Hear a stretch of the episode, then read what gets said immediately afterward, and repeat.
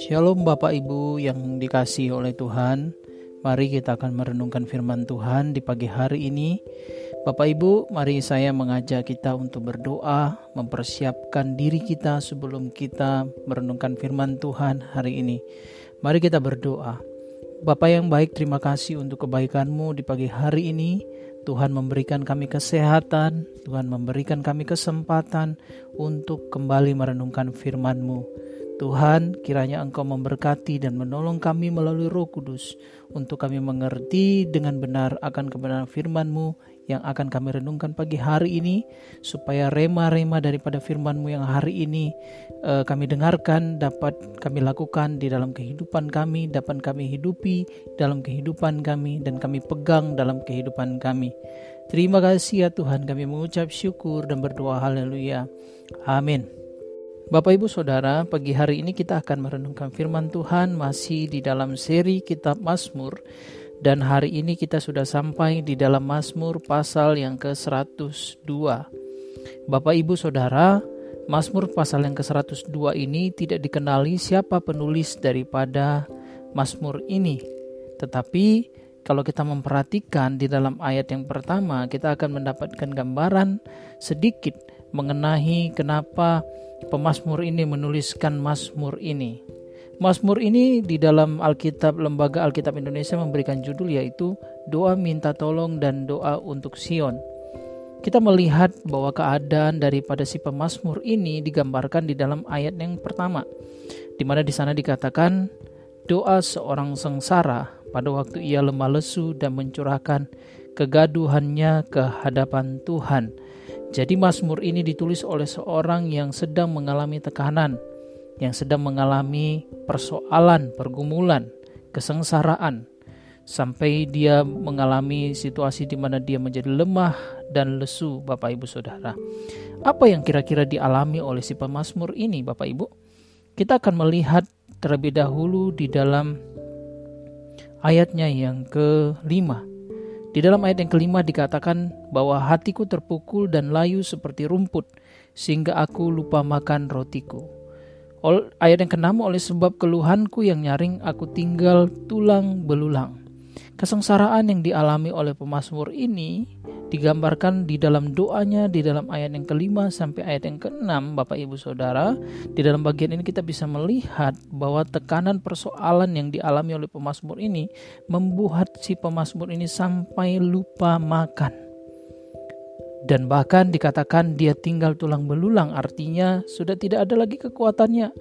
Karena persoalan yang begitu sangat berat menimpa dirinya sehingga akhirnya dia lupa makan sehingga dia berada kepada situasi di mana dia tinggal tulang belulang. Lalu kemudian kalau kita memperhatikan di dalam ayat yang selanjutnya, ayat yang ke-8 dikatakan aku tidak bisa tidur dan sudah menjadi seperti burung terpencil di atas soto. Dia merasa seorang diri, dia merasa bahwa keadaannya saat itu sangat terpuruk. Dia merasa sangat buruk, dia merasa sangat uh, mengalami tekanan yang begitu sangat menekan dia sampai-sampai dia menyampaikan ungkapan yang demikian Bapak Ibu Saudara. Dan kemudian dikatakan di dalam ayatnya yang ke-9 sampai dengan ayat yang ke-10 kita melihat bahwa pemazmur ini memberitahukan apa pandangan orang tentang apa yang dia sedang alami. Dikatakan di sana bahwa sepanjang hari aku dicela oleh musuh-musuhku. Orang-orang yang mempermainkan aku menyumpah dengan menyebut namaku. Dia mengalami tekanan, ditambah lagi dengan orang-orang yang kemudian mencela dia. Tidak tahu apa kondisi yang sedang dialami oleh si pemazmur, tidak jelas apa ini, tetapi kita bisa melihat dari gambaran doa yang dia naikkan ini kepada Tuhan, begitu dia sangat tertekannya, dia sangat mengalami tekanan yang membuat dia pada akhirnya mengadukan pengaduannya kepada Tuhan. Lalu kemudian dikatakan di dalam ayat ke-10 sebab aku makan abu seperti roti dan mencampur minumanku dengan tangisan. Dia begitu sangat bergumul, dia begitu sangat berkabung. Bahkan dia sampai terus-menerus menangis, Bapak Ibu Saudara. Di balik tekanan yang sedang dialami oleh si pemazmur ini dia menggambarkan tekanan yang begitu sangat berat, beban yang begitu sangat berat yang sedang dia alami.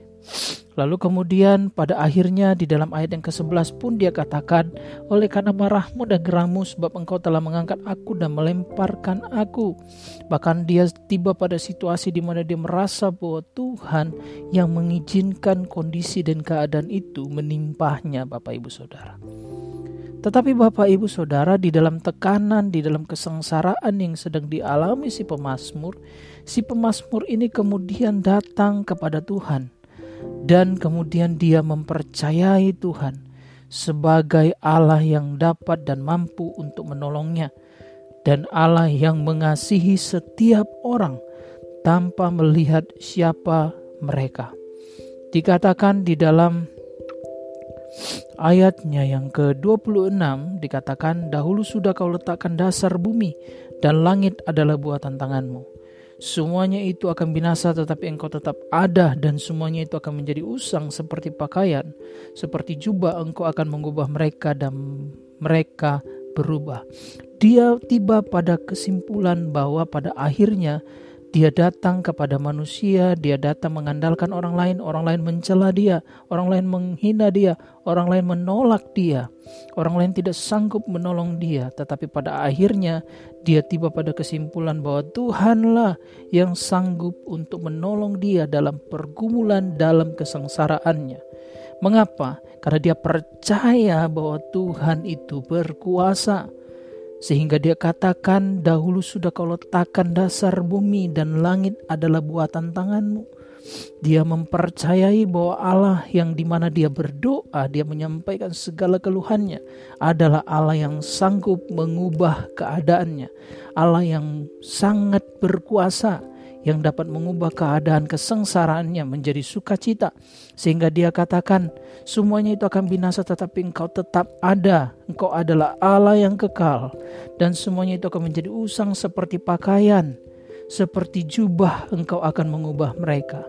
Sesuatu yang usang sesuatu yang akan uh, hilang dapat diubah oleh Tuhan menjadi jubah dan mereka berubah. Dia meyakini bahwa satu-satunya pertolongannya adalah Allah sendiri. Lalu kemudian dikatakan, "Tetapi engkau tetap sama, dan tahun-tahunmu tidak berkesudahan." Dia mempercayai bahwa Allah yang dia sembah, Allah yang di mana dia mengadukan segala kesengsaraannya, adalah Allah yang tidak pernah berubah. Dari dulu sampai hari ini, Allah tidak pernah berubah. Lalu kemudian dikatakan dia mempercayai juga bahwa kondisi kesengsaraan yang dia alami, penolakan-penolakan orang, orang-orang yang tidak mau menolong dia, menolak dia, yang membuat pada akhirnya seolah-olah dia tidak memiliki masa depan. Dia mempercayai bahwa Allah yang tidak berubah itu akan mampu mengubah keadaannya. Sehingga dia mengatakan dengan dengan ungkapannya bahwa anak hamba-hambamu akan diam dengan tentram. Dia mempercayai bukan cuma dia yang akan mengalami perubahan secara pribadi, tetapi seisi rumahnya, sekeluarganya akan mengalami perubahan. Dalam hal ini adalah keturunannya yaitu anak-anaknya akan diam dengan tentram dan anak cucu mereka akan tetap ada di hadapan Tuhan bahwa Tuhan tidak pernah berubah. Bapak Ibu Saudara, dari ungkapan-ungkapan si pemazmur di dalam Mazmur 102 ini, apa yang bisa kita pelajari? Yang bisa kita pelajari adalah setiap kita tentunya pasti punya masalah, punya pergumulan. Bahkan tidak jarang bahwa setiap kita merasa bahwa pergumulan itu sangat berat untuk kita pikul, sangat sulit untuk kita pikul. Tetapi Bapak Ibu Saudara, di balik setiap pergumulan yang kita alami, mari kita tiba pada kesimpulan yang disampaikan oleh si pemazmur ini bahwa depresi, kesulitan, pergumulan yang kita alami yang membuat sampai kita depresi dan sulit sekali untuk melakukan segala aktivitas kita, kita harus menyerahkan itu kepada Tuhan. Mengapa? Karena Tuhanlah yang mampu mengubah setiap keadaan yang mustahil di hadapan manusia menjadi menjadi suatu kebaikan bagi orang tersebut. Kesengsaraan justru menjadi jalan di mana Tuhan menunjukkan dapat menunjukkan kuasanya kepada setiap orang yang mengalaminya, Bapak Ibu Saudara.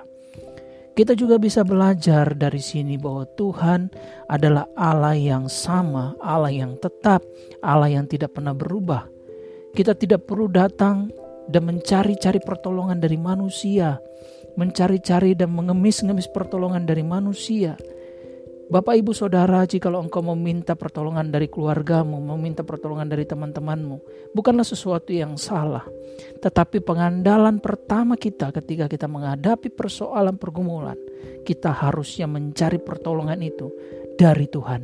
Karena keselamatan dan pertolongan dan kekuatan itu akan berasal, itu hanya berasal dari Tuhan Bapak Ibu Saudara. Allah yang kita sembah, dikatakan pemazmur adalah Allah yang tidak pernah berubah dahulu, sekarang, sampai selama-lamanya. Dia adalah Allah yang begitu mengasihi setiap orang yang mencarinya. Seberat apa pun dosamu, Yesus telah mati bagi setiap kita. Dia telah menebus dosa kita dan pengampunan itu selalu tersedia bagi kita. Mintalah ampun kepada Tuhan dan datanglah kepada Tuhan jika engkau punya pergumulan yang begitu berat. Kita tahu bahwa hari-hari ini ekonomi sedang begitu berat ada pergumulan-pergumulan sakit penyakit yang lain dan lain sebagainya. Bapak Ibu Saudara, mari andalkan Tuhan yang tidak pernah berubah itu. Karena jikalau kita mengandalkan Tuhan yang tidak pernah berubah itu, kita akan mengalami terobosan. Kita akan mengalami di dalam kehidupan kita, kita melihat mujizat demi mujizat akan sanggup Tuhan lakukan. Karena tidak ada satupun orang, satupun manusia seperti berkuasa apa pun dia yang sanggup mengubah keadaan pergumulan kita. Kecuali Tuhan yang tidak pernah berubah itu, yang punya kuasa atas segala sesuatu. Dia bisa mengubah keadaan kita yang sulit menjadi kemuliaan bagi namanya. Amin Bapak Ibu Saudara. Demikian renungan yang bisa kita renungkan di pagi hari ini. Mari kita berdoa bersama-sama. Terpujilah namamu untuk firman-Mu saat ini ya Tuhan yang sudah kami renungkan. Biarlah kiranya firman ini Engkau selalu mengingatkannya kepada kami untuk kami selalu melakukannya dalam kehidupan kami. Mempercayai Engkau dalam segala keadaan kami. Ketika kami menghadapi persoalan, Engkaulah satu-satunya yang harusnya terlebih dahulu kami eh, datang kepadamu. Kami meminta pertolongan-Mu. Bukan mencari manusia. Karena firman-Mu di dalam Yeremia dikatakan bahwa Diberkatilah orang yang mengandalkan Tuhan dan menaruh harapannya kepada Tuhan. Terima kasih ya Tuhan untuk kebenaran firman-Mu yang mengingatkan kepada kami akan hal ini. Terpujilah namamu ya Tuhan. Haleluya.